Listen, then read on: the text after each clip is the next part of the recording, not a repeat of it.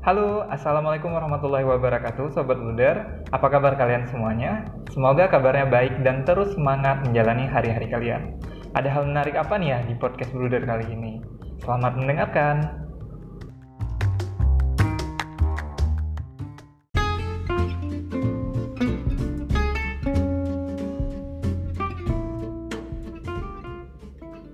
Halo bagi kalian yang mau dibuatkan lukisan arang, vektor wajah, Wedas Pop Art Portrait, hiasan foto berbingkai dan lukisan lainnya, ayo langsung kepoin Instagramnya at arapain underscore at a r a p a i n t underscore atau hubungi langsung ke nomor WA adminnya 089512948884. Terima kasih.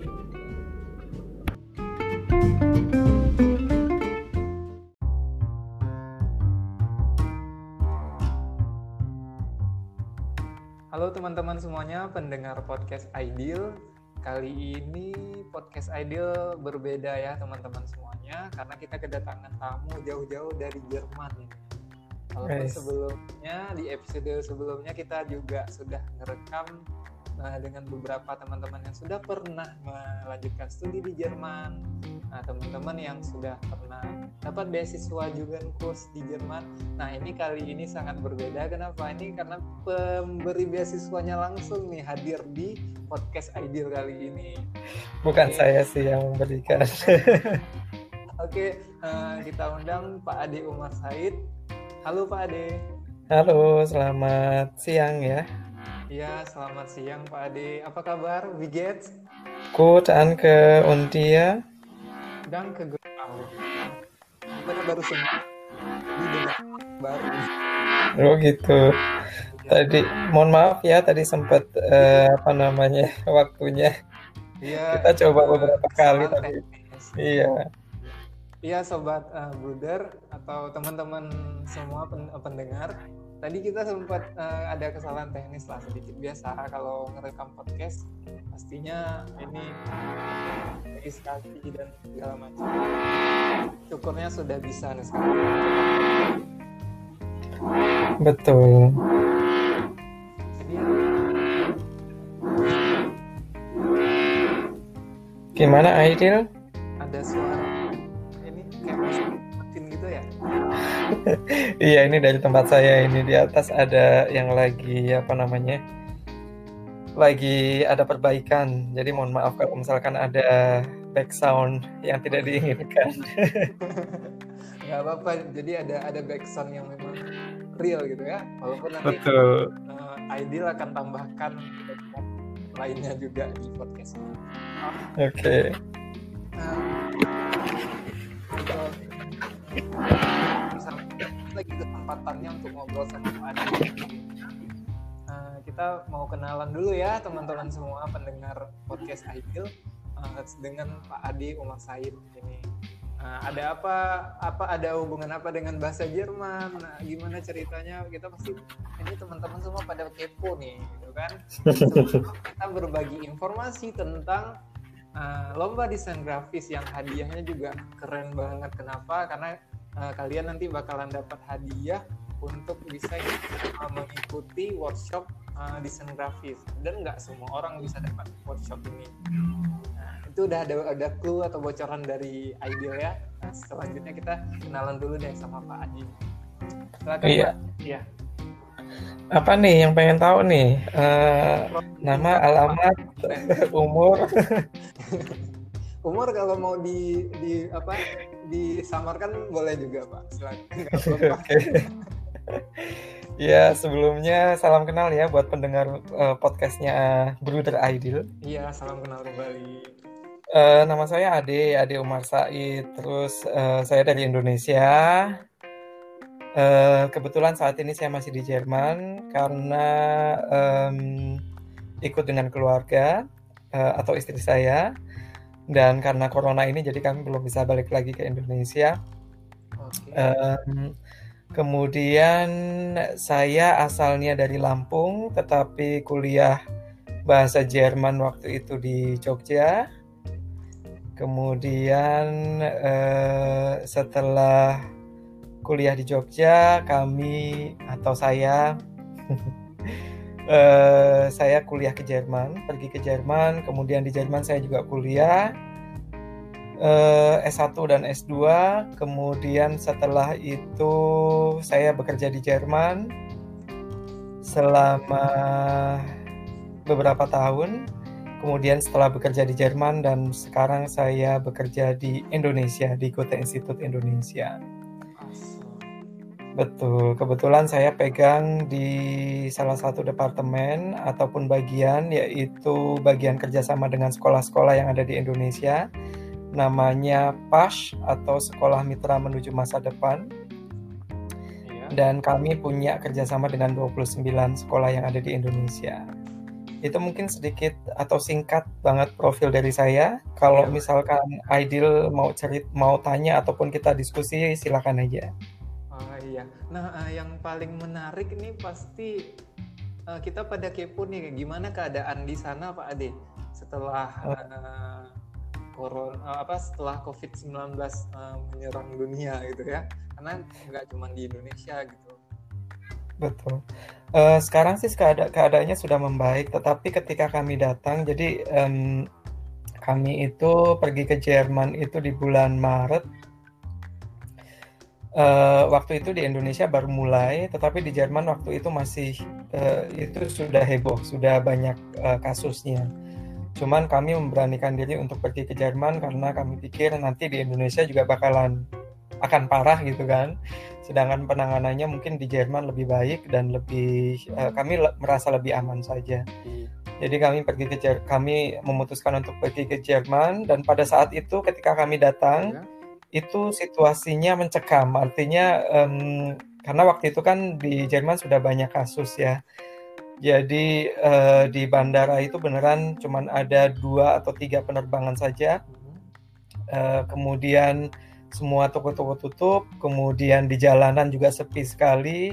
Di kereta Uban S-Bahn dan uh, uh, apa namanya di dalam keretanya itu kosong hampir tidak ada penumpang atau sedikit sekali penumpangnya. Kemudian um, ya lengang sekali jalanannya dan sepi sekali itu suasana di awalnya. Tetapi sekarang uh, tetapi sekarang sudah sudah berubah, sekarang sudah beda. Uh, jadi sekarang uh, di Jerman itu sudah dinyatakan sedikit aman. Jadi uh, bulan lalu uh, dua dua minggu yang lalu pemerintah Jerman sudah membolehkan kita keluar, tetapi dengan syarat misalnya jaga jarak, tetap um, social distancing okay. atau physical distancing, kemudian harus menggunakan masker, uh, khususnya kalau pergi ke supermarket ataupun ke tempat-tempat umum ya. Dan um, hanya boleh bertemu dengan satu keluarga, keluarga lainnya gitu uh, bukan keluarga kita sendiri tapi tapi tetap ada batas-batasan yang harus dijaga ya Pak Adi ya. Betul. Betul. Dan mulai minggu ini ini sudah dibolehkan untuk bertemu dengan tiga keluarga lain itu artinya bukan dari keluarga kita, uh, bukan di dari keluarga inti keluarga saya tetapi keluarga di luar rumah saya gitu ya jadi sudah sedikit longgar aturannya untuk uh, Jerman di akhir-akhir ini. Tetapi tetap aja ya, uh, kita tetap harus waspada, uh, jaga jarak tetap harus tetap diberlakukan dan pakai masker di setiap tempat-tempat um, umum juga tetap diperlakukan. Oke, berarti sudah membaik lah ya Pak Adi ya. Betul. Dan di sini juga merasakan uh, sudah mulai aktif kembali kegiatan-kegiatan uh, yang pada umumnya itu rutinitas pada umumnya di sini. Oke. Uh, nah kembali lagi ke topik pembicaraan kita tadi apa selingan aja ya sobat Budat teman-teman. Nah, yang kepo nih di luar di luar sana di negeri itu bagaimana? Ini kita dapat info langsung dari Pak Ade yang memang sedang berada di Jerman. Oke. Nah, uh, Pak Ade ini bicara tentang Jerman juga nih. Pak Ade kan studinya tentang bahasa Jerman. Nah, kita pengen tahu nih uh, latar belakang studi Pak Adi uh, boleh dong bagi-bagi bagi-bagi apa share pengalaman ke kami nih. Boleh. S1 sama S2 uh, langsung di Jerman nih. Betul. Bakalan ada yang termotivasi nih nanti. Betul. Tapi sebelumnya saya juga uh, sempat S1 di Indonesia jadi saya punya dua S1 sebenarnya. Oh, gitu. berarti Pak Ade sempat S1 di Indonesia selesai S1 di Jerman S1 lagi gitu betul jadi dulu saya satunya um, bahasa Jerman, jurusan bahasa Jerman di Jogja di Jogja ya di uh, Universitas Negeri Yogyakarta, okay. UNY. Kemudian uh, UNY Yogyakarta ya Universitas Negeri Yogyakarta. Kemudian um, ketika kuliah sempat dapat beasiswa ke Jerman waktu itu karena kan ada um, kerjasama juga dengan DAAD Universitas Negeri Yogyakarta ya. Iya. Jadi sempat ada beasiswa kursus seperti Jugendkurs uh, kalau anak-anak sekolah ya, seperti kursus bahasa Jerman untuk remaja, tetapi kalau untuk mahasiswa-mahasiswi itu kan jadinya kursus dewasa. Okay. Ya. Itu ke Jerman.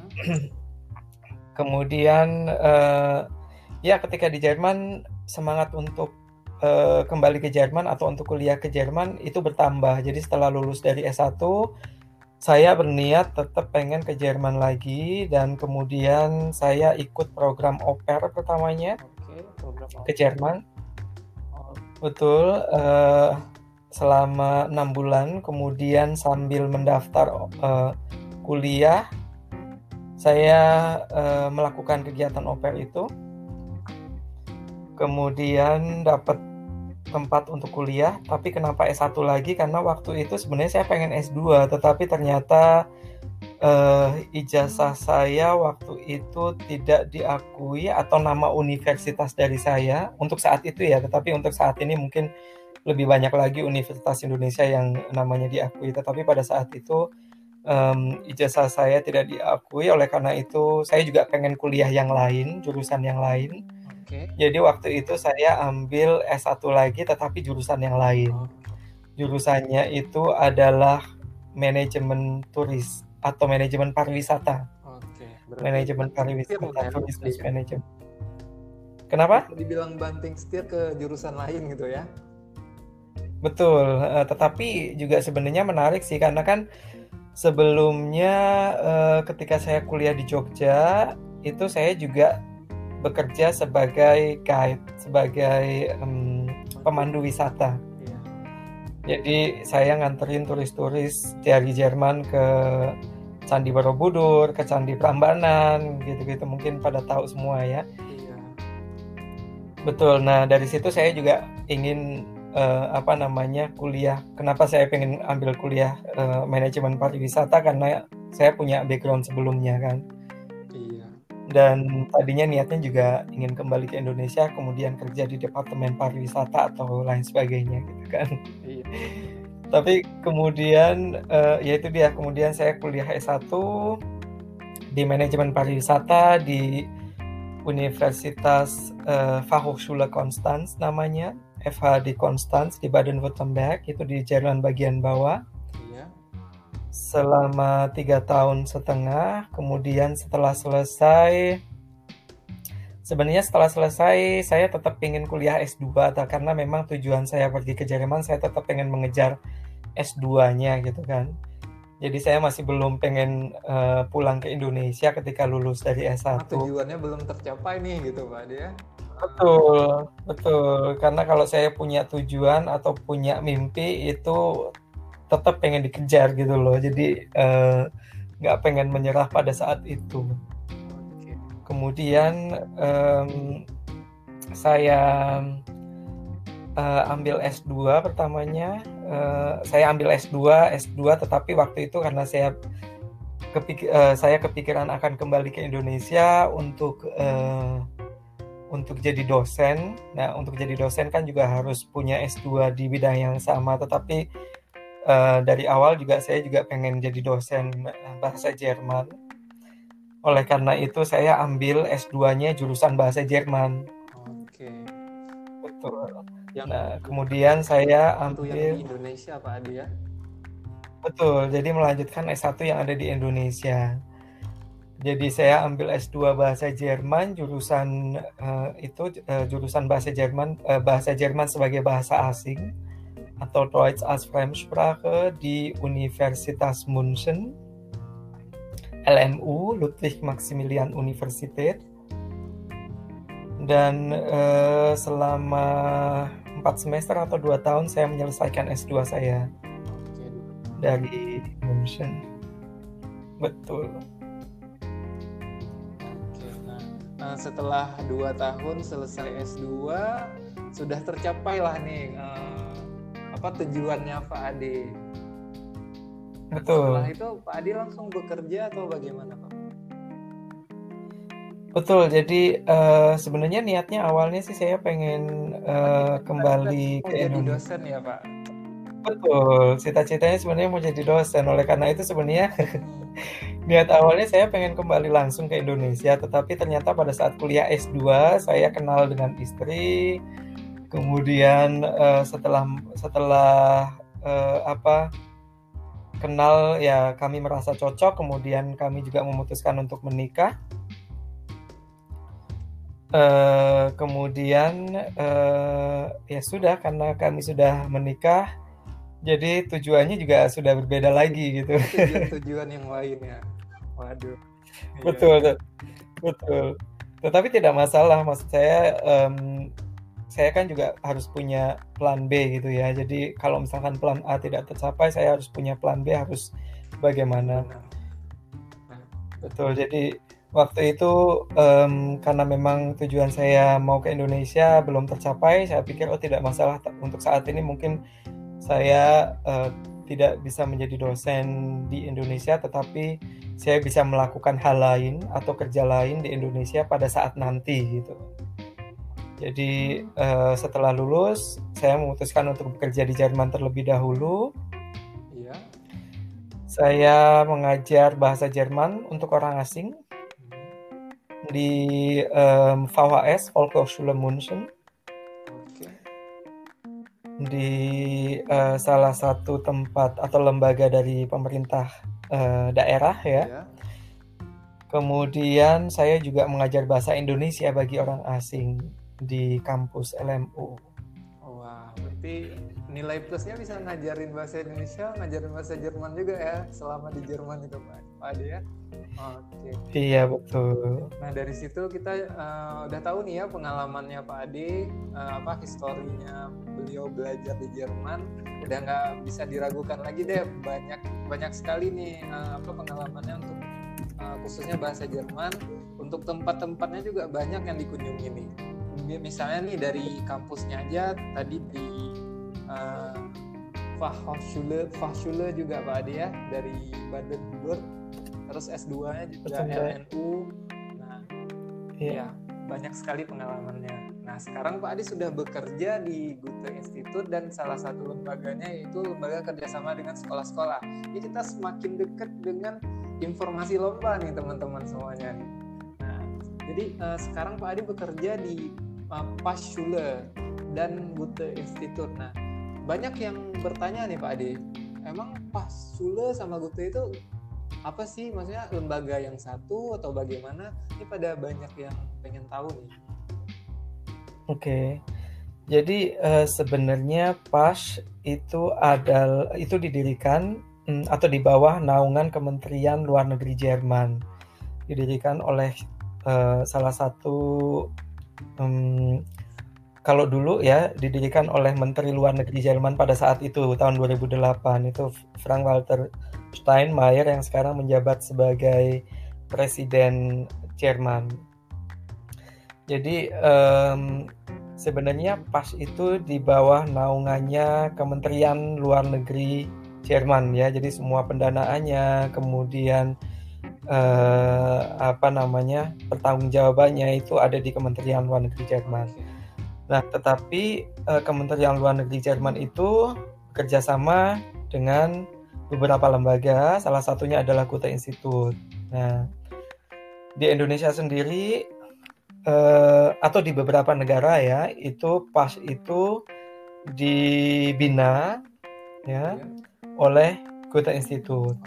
Jadi bukan bukan um, bukan dibina langsung dari Kementerian Luar Negeri, tetapi dari Goethe Institute, walaupun sebenarnya pas itu di bawahnya Kementerian Luar Negeri gitu ya. Oke.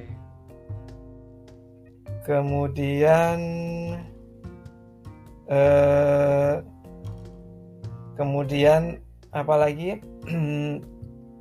kemudian di eh, Indonesia sendiri itu pas eh, PAS sendiri seperti yang tadi sudah saya bilang itu dibina langsung oleh Goethe Institute, diorganisir langsung oleh Goethe Institute Indonesia dan kami punya 29 sekolah yang punya yang uh, punya kerjasama Nah, atau atau yang yang biasa disebut sebagai sekolah mitra gitu ya atau sekolah PAS. ya benar Pak Ade.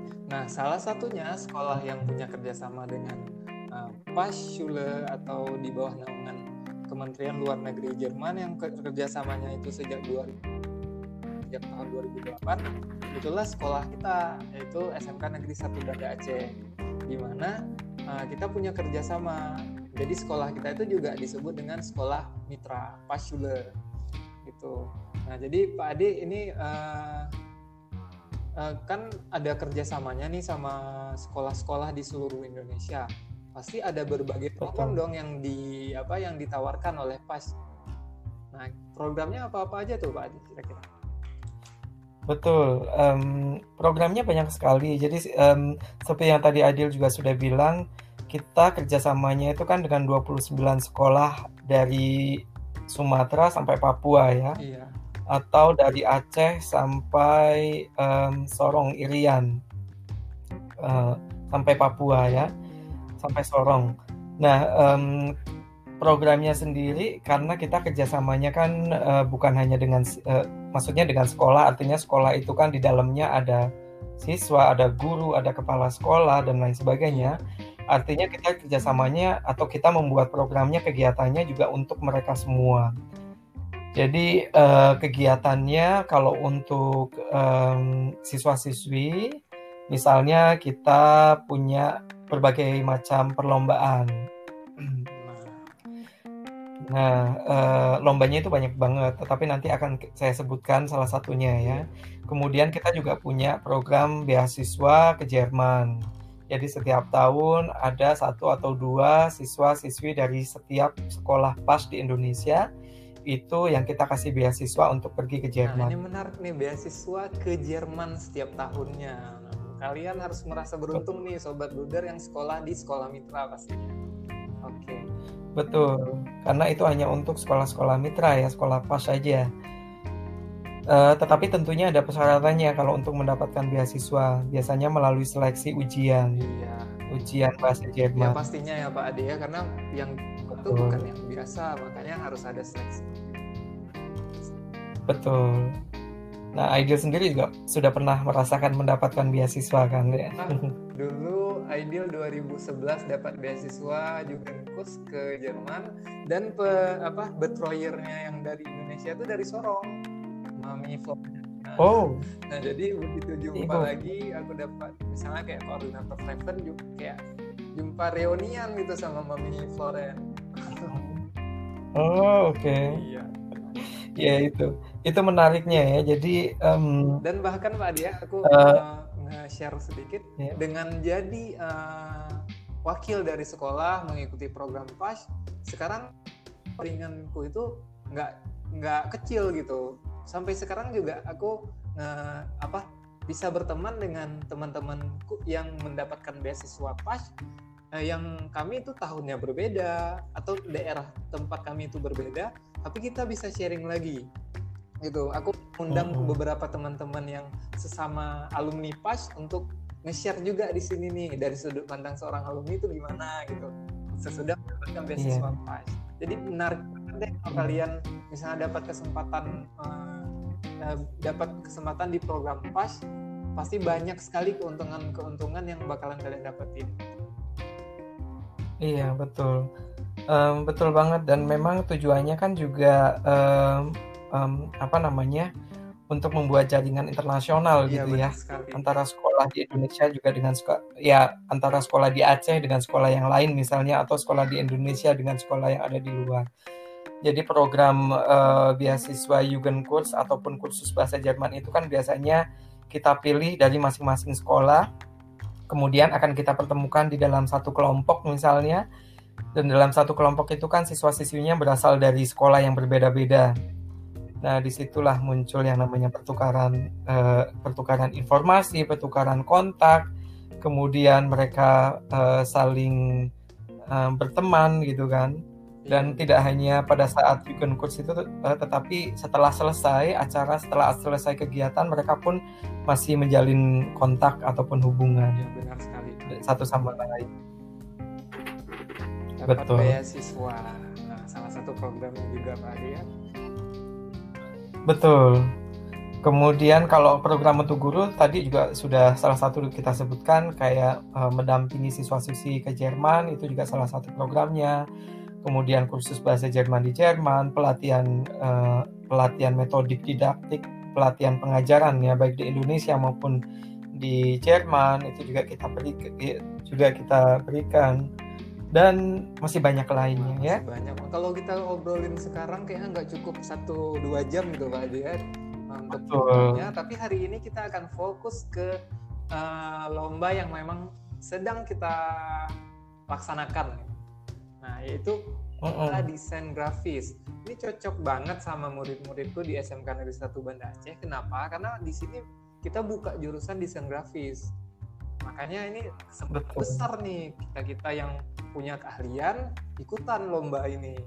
Nah, hari ini Pak Ade hadir di podcastnya Bruder atau podcast Ideal untuk membagikan informasi ketentuan-ketentuan lombanya uh, walaupun nanti ada link yang bakalan Bruder uh, taruh di Instagram dan juga di berbagai platform biar kalian bisa akses tapi ini bagi kalian yang mager enggak uh, yang mager untuk baca uh, kalian boleh denger deh informasi dari Pak Adi nah untuk betul itu uh, yang paling mendasar harus bisa bahasa Jerman kah Pak Adi atau gimana Pak?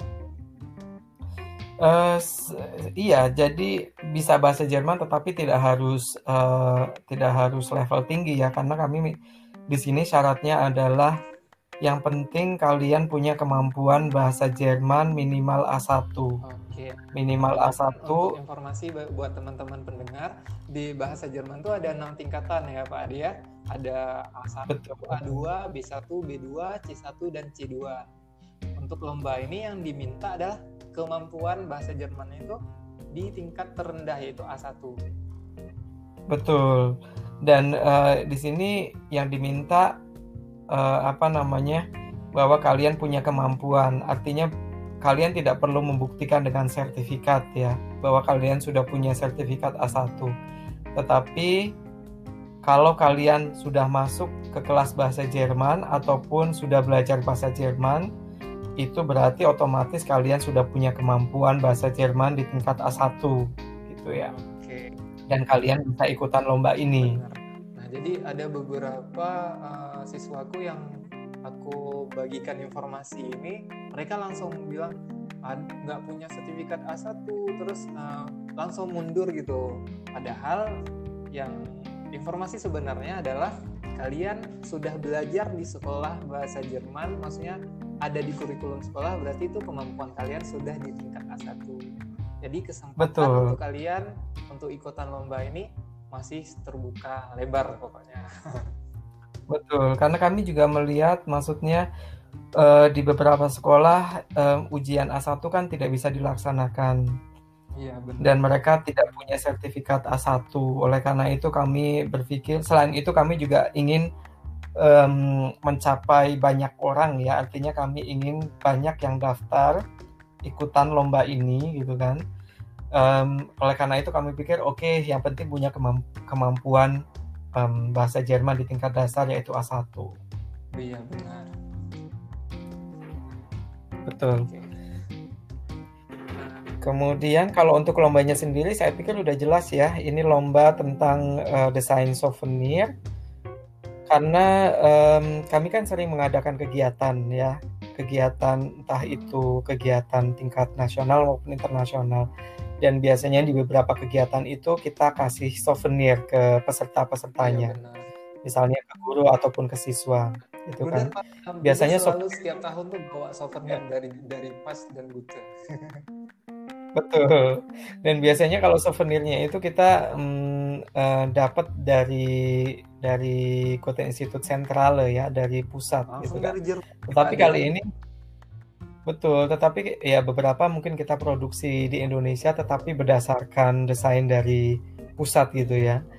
Dan kali ini kita kepikiran em, kita pengen juga kita sendiri yang bikin desainnya gitu dari dari pas Indonesia sendiri gitu. Jadi nggak nggak cuma dari pusat gitu kan. Oleh karena itu kita pikir mungkin kita ini mungkin eh, kita bisa ambil dari hasil lomba desain ini gitu. Jadi ada Betul. karya anak Indonesia ya yang terwakilkan di Anak pas. pas lebih tepatnya ya. Iya. Benar-benar. Betul. Oke. Nah, jadi nanti souvenirnya itu ada dalam berbentuk apa aja nih Pak Ade?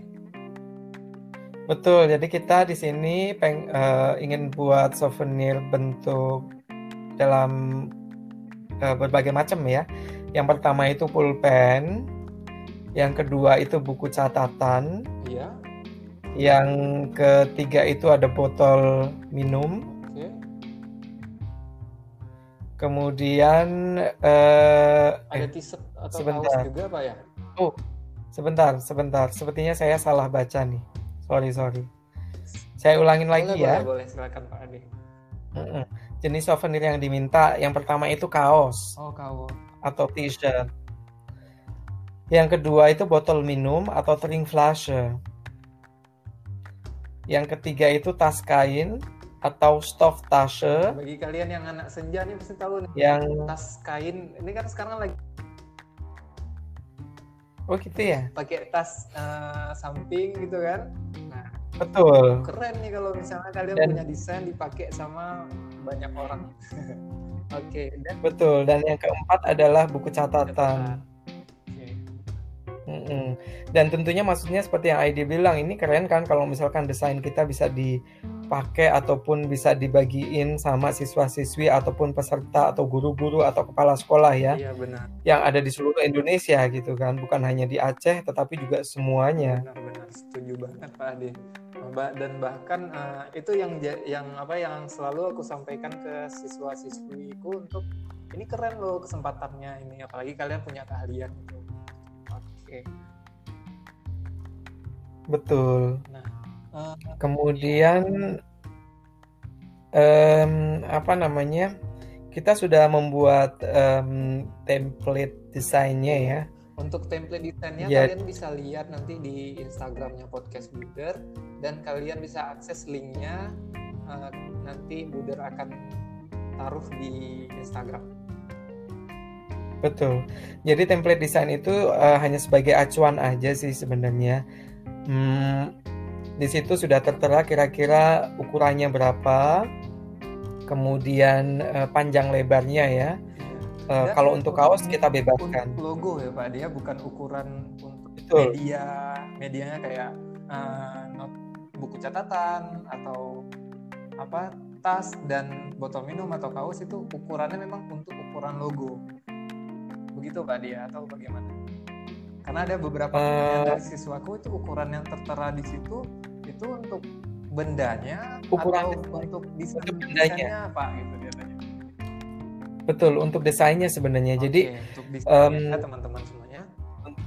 Betul. Jadi eh, apa namanya? Kita kan eh, biasanya punya punya ukuran standar tersendiri untuk em, buku catatan. Karena buku catatan misalnya ya, Iya. buku catatan itu kan ada yang besar, kecil, ada yang sedang, ukurannya kan beda-beda dan kita biasanya punya ukuran sendiri. Kemudian di situ eh, di template itu kita sengaja kasih logonya di mana dan ukuran desain kalian kira-kira berapa besarnya supaya nanti bisa langsung ditempel di situ gitu. Iya. Jadi lebih enak buat kita karena nanti kalau misalkan kalian bikinnya eh, kecil banget gitu kan, itu kan susah untuk eh, kalau nggak ada ukurannya ya, kalau nggak ada keterangan ukurannya kan kita masukinya susah, terlalu kecil misalnya atau mungkin terlalu besar gitu kan. Kalau dikecil kecilkan nanti jadi jelek banget gitu Ya, kan. betul, betul. Nah, makanya kita kasih dibesarkan jadi pecah mungkin gambarnya ya. Iya, betul. Makanya kita kasih ukuran eh, ukuran dari desainnya seharusnya berapa besarnya. Tetapi kalian sebenarnya nggak perlu bikin em, bisa ap- apa namanya nggak perlu bikin logo karena logonya nanti akan datang dari kita. Tetapi kalau sudah bikin juga tidak masalah. Nanti mungkin kita bisa pikirkan kalau misalkan bagus, kenapa enggak gitu kan. Yang jelas nanti yang akan dinilai itu adalah desainnya. Mm-mm. Kemudian kalau untuk template-nya sendiri itu kalian bisa ambil dari mana pun, bisa ambil dari contoh template-nya yang ada di kita atau kalian punya template bentuk gambar kaos juga sendiri itu juga silakan. Ya, Atau kalian punya template, template. untuk medianya itu kalian bebas untuk ngambil dari mana aja. Yang terpenting adalah ukuran desain kalian itu sudah ditentukan. Betul, tetapi kalau bisa template-nya juga mirip ya. Jadi kalau misalkan kaosnya bentuknya bentuknya lengan pendek seperti yang ada di template itu ya berarti ya seperti itu gitu kan. Iya. Berarti harus ikut. Soalnya kemarin itu kan betul, kemarin itu ada yang tanya ini kemarin ada yang tanya ini gimana eh, eh, apa namanya untuk template-nya apakah desain saya langsung ditempelkan di template ini yang ada di eh, yang ada di lampiran lombanya, lampiran keterangan informasi lombanya atau saya bikin template sendiri, ambil dari internet gitu kan. Saya betul kalau dari kami sih terserah kalian mau ambil dari internet boleh, mau ambil dari contoh desain ini boleh, tetapi bentuknya harus sama ya dengan yang ada di kita. Tapi yang jelas nanti template nggak akan dinilai gitu. Jadi kalau misalnya template-nya kelihatan burem ataupun garisnya nggak eh, apa namanya, garisnya eh, terlalu garisnya patah-patah atau apa itu nggak akan dinilai. Yang dinilai adalah desainnya. Berarti tips buat kalian Suaranya hilang ini Aidil.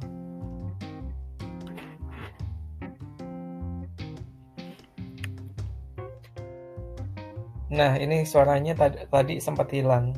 Ya. Mungkin kesangkut di mana mungkin Pak Ade ya. Oke. Nah, Bisa jadi. tadi kita udah sama ya kalian fokus ke uh, desain kalian. Kalau untuk template tidak dinilai. Maksudnya ya kalian tidak perlu fo- fokus untuk membaguskan template tapi fokus dengan desain kalian. Betul, oke iya. Betul. nah selain untuk desain template nah ini nih kalian udah belajar bahasa Jerman ini teman-teman semuanya. Kalian wajibkan untuk melampirkan deskripsi dari desain kamu. Jadi setiap desain yang kamu buat pasti ada filosofinya. Pastinya betul. gimana nih Pak Ade penjelasan tentang mendeskripsikan desain? Betul. Jadi em, ketika kalian membuat desain kan kalian sudah kepikiran apa sih yang melatar belakangi desain itu gitu loh.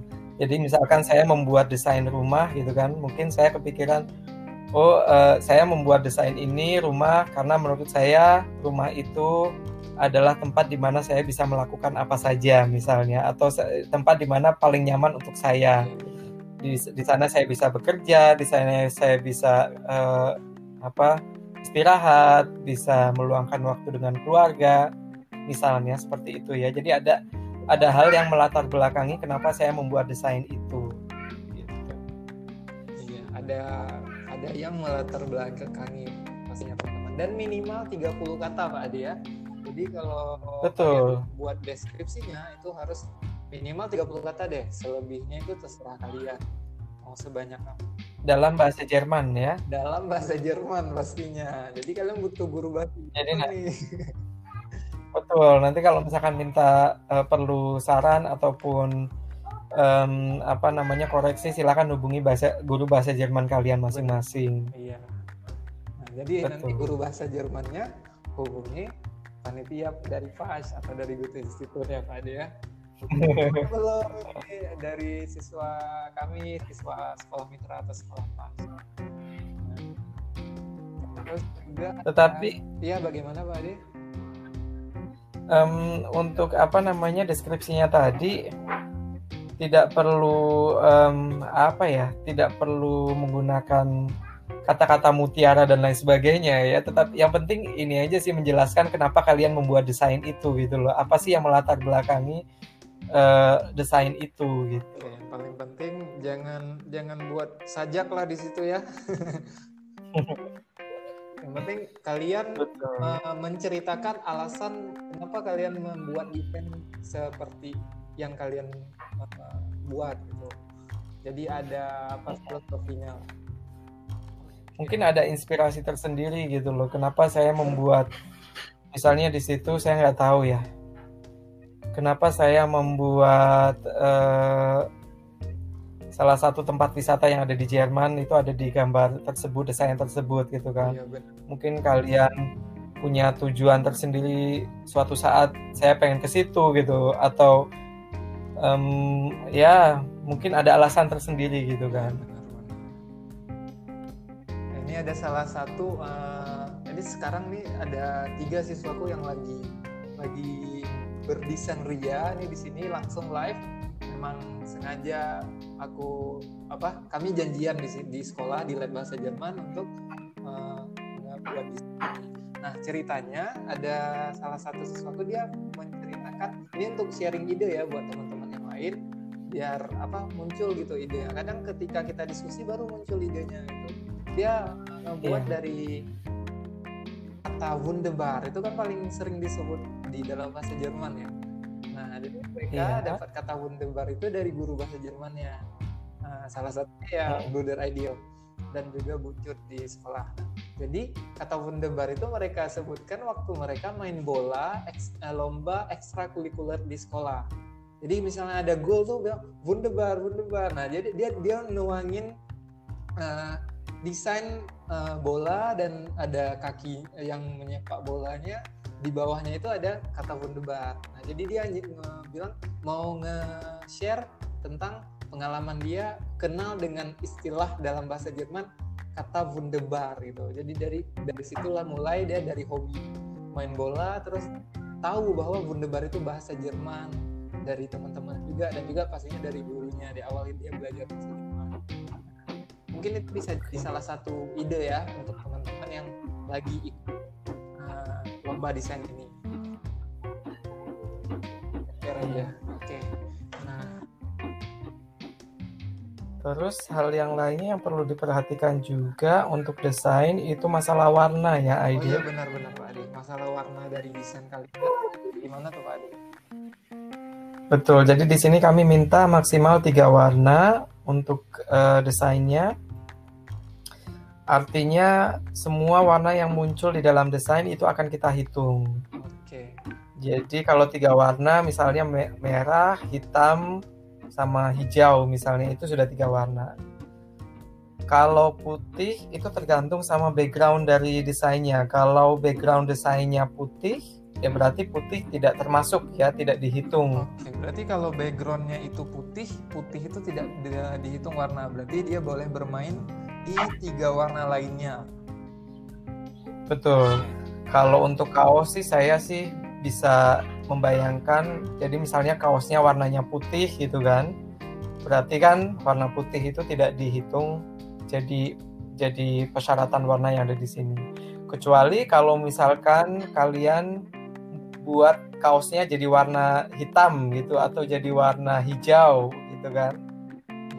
Nah, jadi kan otomatis backgroundnya juga hijau atau hitam kan. Iya benar. Nah nanti kalau misalkan warna putih muncul, nah itu juga dihitung. Gitu. Oke. Nah berarti warna maksimal tiga, Pak ya? Betul. Dan yang paling penting juga di desainnya tolong ditulis alamat situs web dari PAS. Oke, jadi di itu letaknya itu bebas atau bagaimana Pak Adi? letaknya bebas, letaknya, boleh bebas. Uh, jadi alamatnya atau kita kan punya shortcut itu ya untuk website kita. Www.goethe.de.te terus slash Indonesia slash pas. Iya. Nanti Nah, itu juga dimasukkan ke dalam desain. di apa di ketentuan lomba yang linknya Bruder taruh di Instagram podcast Bruder. Oke. Betul, jangan lupa ya dimasukkan ya. Iya. Betul, dan yang paling penting sih sebenarnya dari semuanya itu eh, desainnya itu bisa memotivasi atau mendorong siswa-siswi untuk belajar bahasa Jerman gitu ya. Jadi kalau ngelihat desain itu, wow bagus, ini mencerminkan Jerman. Jadi eh, aku jadi tambah semangat nih buat belajar bahasa Jerman gitu. Oke, iya. Jadi yang paling Tapi penting- kalau nggak ada paling penting semangat Tapi kalau- belajar bahasa Jermannya Pak Adi ya. Betul. Jadi harus ada hubungannya juga dengan negara Jerman gitu ya. Jadi kalau misalkan desainnya nggak ada hubungannya sama Jerman sama sekali, itu kan nggak bisa memotivasi saya untuk belajar bahasa Jerman atau untuk mengenal negara Jerman gitu ya. Oke, benar. Untuk teknisnya seperti nama file yang kalian lampirkan juga nanti ada di ketentuan lomba. Betul. Jadi saran saya juga sebelum kalian eh, kirim lombanya ke kami, kalian baca dulu tentang informasi lomba ini. Di situ ada keterangannya semua dan apakah sudah termasuk eh, persyaratannya, maksudnya persyaratannya sudah terpenuhi atau belum? Kalau sudah, baru kalian bisa langsung kirim. Dan jangan lupa kalian wajib konsultasi dengan guru bahasa Jerman kalian dulu di sekolah. Apa? Karena nanti dari beliau eh, akan ada masukan pastinya sebelum langsung dikirim untuk ikut lomba. Betul. Nah, Pak Adi ini eh, berbagai syarat lombanya dan juga eh, kalian dituntut untuk sekreatif mungkin. Apa sih yang bakalan didapetin sama eh, pemenang dari lomba desain ini? Nah, Iya. ini dia mungkin yang ditunggu juga untuk hadiahnya ya. benar-benar. Hadiahnya itu kita dari setiap masing-masing eh, jenis souvenir ya, kita akan pilih tiga orang atau tiga juara. Juara pertama itu tentunya nanti desainnya akan kita cetak ya ke produk yang kita inginkan. Jadi kalau misalkan em, yang juara pertama dari SMA, SMK dari SMK 1, SMKN 1 Banda Aceh itu nanti misalnya ya nanti desainnya akan kita cetak ke dalam produknya itu. Iya. Terus eh, selain itu juara satu nanti juga akan dapat beasiswa untuk ikut Schuler Camp di tahun depan mungkin karena tahun ini kemungkinan akan karena corona ya kita eh, sepertinya tidak bisa mengadakan Schuler Camp tetapi di tahun depan akan dapat beasiswa Schuler Camp. Itu termasuk semuanya jadi eh, biaya pendaftaran itu kita yang tanggung tiket keberangkatan naik pesawat ya di kelas ekonomi itu kita yang tanggung terus penginapan akomodasi pokoknya tinggal bawa koper aja. Wah. Nah apa itu hadiah nih. Tunggu apa? betul betul kalau Schuler Camp sendiri mungkin banyak yang belum tahu jadi Schuler Camp itu perkemahan pelajar artinya Eh, jadi maksudnya pela- pelajar-pelajar yang ada dari Indonesia ataupun bisa juga internasional gitu ya. Eh, itu kita undang dan kemudian akan kita adakan workshop di situ. Jadi misalnya tergantung temanya ya. Kalau untuk tahun lalu kita punya tema em, film. Jadi kita mengundang eh, peserta-peserta dari sekolah-sekolah yang sudah kita seleksi gitu ya ke salah satu tempat. Kalau tahun lalu di Surabaya, kemudian di sana kita membuat film. Untuk pembicaranya sendiri atau trainernya itu kita undang dari Jerman waktu itu. Wah, Di sana- langsung dari Jerman berarti ya. Oke. Betul. Di sana eh, tentunya mereka komunikasinya coba eh, menggunakan bahasa Jerman. Kemudian akan mendapat juga kursus bahasa Jerman pada saat eh, selama masa itu gitu ya. Oke. Dan belajar tentang kosakata tentang perfilman dalam bahasa Jerman. Nah, untuk tahun ini untuk tahun depan nih Pak Ade, temanya itu eh, lombanya kan udah eh, desain grafis nih. Berarti kemungkinan besar workshop atau Schuler Camp-nya bertema desain grafis juga atau bagaimana? Betul. Wah, ini Tema kesempatan buk- eh, bukan buat kalian yang Ya. pengen belajar langsung desain grafis dari pemateri dari Jerman ya. Betul. Eh, jadi nanti temanya mungkin eh, karena kalau desain grafis itu terlalu spesifik ya, tetapi mungkin lebih ke desain gitu ya, lebih ke betul, lebih ke eh, desain, menggambar dan lain sebagainya. Atau em, ya ya em, akan ya akan ke arah situ deh, ke arah menggambar ataupun desain. Oke. Berarti lebih umum ya, biar eh, jadi nggak spesifik hanya desain grafis. Betul. Nah, oke. Ini Untuk yang juara 2 dan 3 juga sama ya. Jadi akan mendapatkan beasiswa untuk mengikuti Pas Schuler Camp di tahun 2021 di Indonesia. Nah, berarti di setiap jenis souvenir ada empat tadi ya, ada kaos, botol minuman, tas kain, dan buku catatan. Itu ada juara satu, dua, tiganya itu Pak ya. Betul. Berarti kesempatannya lebih besar dong ya untuk eh, teman-teman dari sekolah pas. Betul. Makanya eh, jangan sia-siakan kesempatan Iya ini. benar-benar. Nah, untuk penjuriannya itu pasti ada berbagai aspek yang dinilai nih Pak ya, atau nah, bagaimana? Betul. Kalau penjuriannya sendiri, nanti jurinya dari kami, Goethe Institute dan juga salah satu desain grafis profesional ya, Iya. yang akan eh, kita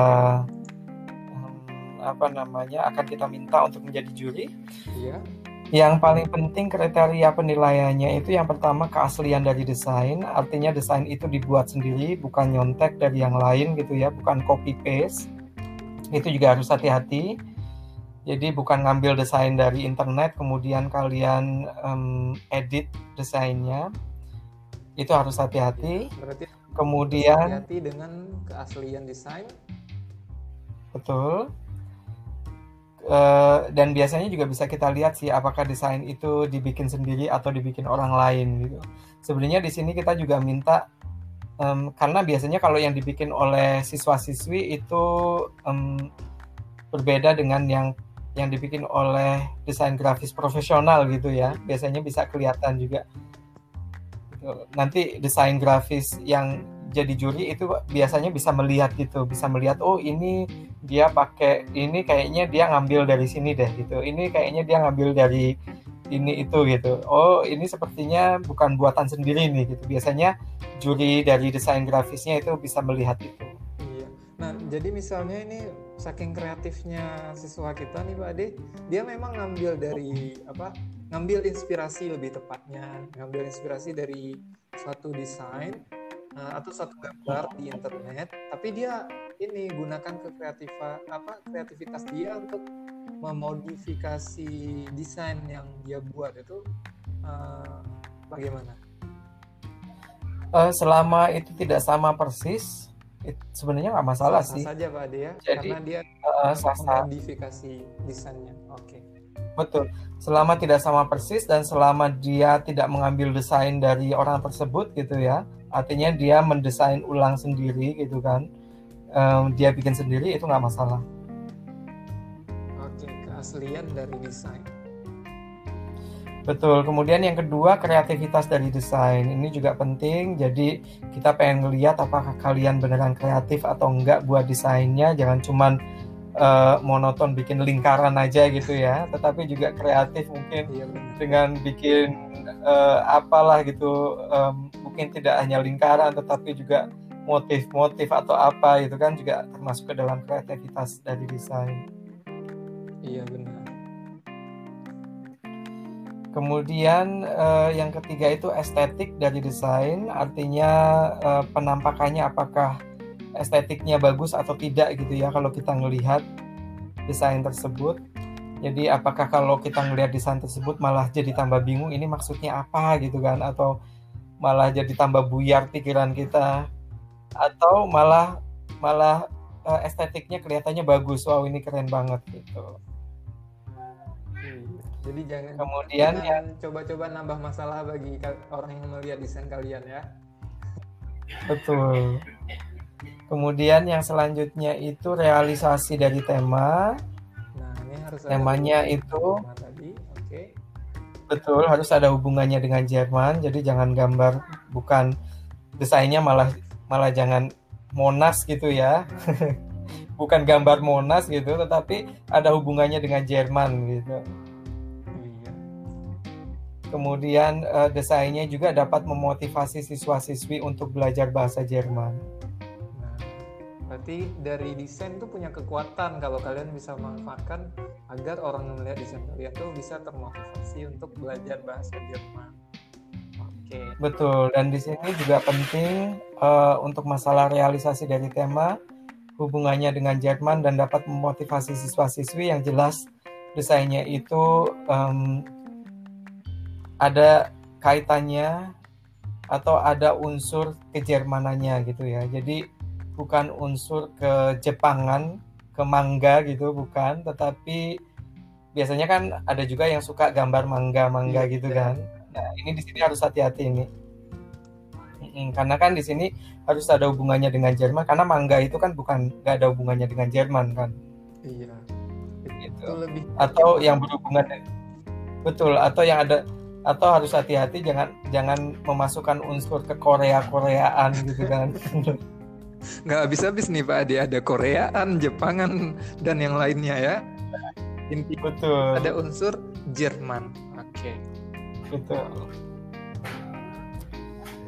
kemudian eh, ketentuan yang selanjutnya itu memperhatikan informasi yang sudah diberikan yang tadi sudah disebutkan di atas jadi misalnya template desainnya itu harus diperhatikan di situ kan ada ukurannya juga kemudian letaknya juga di mana gitu kalau untuk kaos kita bebaskan letaknya mau ditaruh di mana tetapi kalau untuk jenis souvenir yang lain itu sudah kita tentukan letaknya di mana Oke, berarti kemudian itu kalian bebas meletakkan di mana aja desain kalian. Tapi Betul. untuk yang eh, apa template yang lain itu sudah ditentukan. Kalian bisa cek di ketentuan lombanya. Oke. betul dan jangan lupa untuk memasukkan alamat situs webnya yang tadi sudah saya sebutkan Ya. kemudian eh, Ini informasi terpenting nih buat kalian yang mau menang lomba ini. Oke, bagaimana? Betul. Kemu- Kemudian yang eh, ketentuan selanjutnya yang terakhir itu ada interaksi antara desain dengan deskripsi desain yang ditulis. Jadi artinya deskripsi yang ditulis itu nyambung dengan desainnya. Jadi kalau misalkan desainnya desainnya mengenai eh, apa ya rumah misalnya, jadi deskripsinya harus ada, harus nyambung gitu loh, bukan bukan malah mendeskripsikan yang lain. Gitu. Jadi deskripsinya memang de- dari desain tersebut bukan dari hal yang lainnya. Ya, jadi yang kalian gambar tuh harus nyambung ya, pakai kosakata nyambung. Jangan yang kalian tulis di deskripsi itu berbeda dengan yang kalian gambar gitu Pak Adi ya. Kurang lebih seperti Betul. itu ya. Jadi betul. Kalau misalkan yang digambar adalah tentang eh apa ya? Jadi misalnya tentang sepak bola gitu kan, deskripsinya ya kalian berarti harus yang ada hubungannya. Kenapa sih kok kalian menggambarkan sepak sepak bola itu gitu loh di, di desain kalian? Iya. Jadi bukan bukan malah kalian mendeskripsikan ya eh, apa ya? Saya em, apa ya? Mungkin bukan tentang sepak Fedebar tentang gitu Pak Adi ya. Eh, betul atau mungkin malah atau mungkin malah cerita tentang ya saya saya me- mendesain ini karena keluarga saya terdiri dari bapak ibu kemudian keluarga saya eh, tinggal di desa gitu dan segala macam bukan kayak gitu gitu kan tapi harus ada hubungannya gitu kan. Heeh, betul Heeh, jadi harus nyambung Gitu. gitu Apa contoh-contohnya gitu ya. Oke. betul Itu penj- apa penjurian ini ya terakhir yang terakhir Pak Adi ya. Betul Eh, kriteria yang terakhir kriteria yang terakhir. Dan kalau misalnya kalian masih ada pertanyaan yang mau kalian tanyakan, kira eh, kami ke ke mana nih Pak Adi? bisa langsung di email di pas minus wettbewerb at goethe.de Oke, nah jadi kalian boleh tanya ke langsung ke emailnya Pas atau uh, baiknya ke guru bahasa Jermannya dulu ya Pak Adi ya. Jadi uh, Betul. kadang ada informasi yang memang sudah didapat dari guru bisa langsung disampaikan ke kalian. Betul. Nah untuk uh, persyaratannya ini kalian bisa baca deh kayaknya nah, karena kita juga udah satu jaman nih Pak Adi kita ngerekam podcast Iya, Pada betul. intinya kalian ini yang masih di kelas 10 dan 11 di sekolah kita punya kemampuan bahasa Jerman di tingkat A1 punya ketertarikan dan punya skill di bidang desain kalian memang orang yang dicari ini di lomba ini Betul. Dan ini kesempatan eh, buat kalian yang punya yang eh, apa namanya sekolah di jurusan desain grafis ya karena di sekolah pas yang lain itu nggak ada jurusan desain grafis. iya Hmm. tapi nggak menutup Jadi jangan bagi sia-sia. kalian yang sekolahnya nggak ada jurusan desain grafis kalau kalian memang merasa punya kemampuan nggak ada salahnya kalian challenge diri kalian Betul. Betul. Oke, dan kita tunggu sampai akhir bulan ini, artinya sampai tanggal 30, seminggu lagi ya. Ya, seminggu Masih ada waktu buat bikin. Jadi masih ada waktu satu minggu lagi bagi kalian yang sudah rampung desainnya, sudah sudah rampung deskripsinya, mungkin ada waktu satu minggu mau coba di template yang lain silakan. Pokoknya ditunggu sampai tanggal 30 Juni ya Pak Adi ya. Iya, betul. Oh iya, dan di sini mungkin penting juga, Aidil, em, kalian tidak hanya bisa mengirimkan satu desain, tetapi eh, dari masing-masing souvenir kalian juga bisa kirim. Jadi misalnya satu desain untuk kaos, satu desain untuk tas, satu desain untuk eh, apa namanya botol minum. bot- botol minuman dan satu satu desain untuk eh, apa namanya notit self ya buku catatan itu boleh silakan aja jadi kalian bisa kirim empat desain tetapi syaratnya empat desain yang berbeda ya bukan empat desain yang sama Oke. empat desain yang berbeda dan untuk masing-masing masing-masing lomba Nah, berarti maksimal satu per template yang dilombakan gitu ya. betul satu untuk jenis souvenir Oke, satu untuk jenis souvenir. Iya, bukan bukan dua untuk dua untuk satu jenis souvenir. Jadi bukan dua desain untuk satu kaos itu nggak bisa. Jadi untuk kaos kalian hanya boleh satu desain kirim, tapi kalian juga boleh kirim desain untuk eh, untuk jenis yang lain, untuk yang Heeh. Dan desainnya Untuk itu yang harus digarisbawahi, harus diingat juga teman-teman, desainnya itu nggak boleh sama ya antara kaos dengan tas, betul. karena berbeda. Betul, tetapi kalau kalian bisa kirim empat desain untuk masing-masing satu desain untuk masing-masing jenis souvenir, itu kesempatan menangnya kan juga lebih banyak, lebih besar Iya gitu. benar, kalian membuka peluang untuk kalian sendiri itu lebih besar. Iya benar-benar. Oke. Wah nggak kerasa Pak Adi kita udah ngerekam podcast selama satu jam 5 menit nih. Semoga teman-teman yang mendengar uh, podcast Ideal kali ini bisa mendapatkan banyak informasi, bisa terbantu uh, untuk uh, mungkin ma- mereka ber- ada pertanyaan yang mau ditanyakan tapi dengan dengan podcast ini mereka bisa langsung kejawab gitu, nggak harus tanya dulu. Nah, jadi semoga bermanfaat informasi yang kita sampaikan Uh, dan juga uh, saya mau sampaikan terima kasih banyak nih Pak Adi sudah meluangkan waktu uh, untuk hadir di podcast Ideal kali ini berbagi dan juga berbagi informasi lengkap di sobat-sobat Bruder yang mager untuk baca ini bagus sekali nih dengar podcast Bruder. Iya. Iya.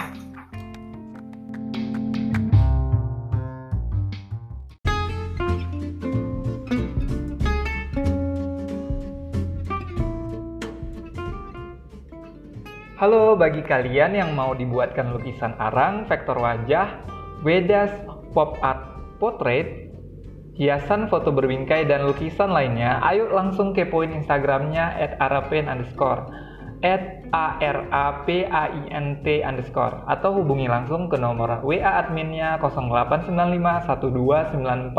089512948884. Terima kasih.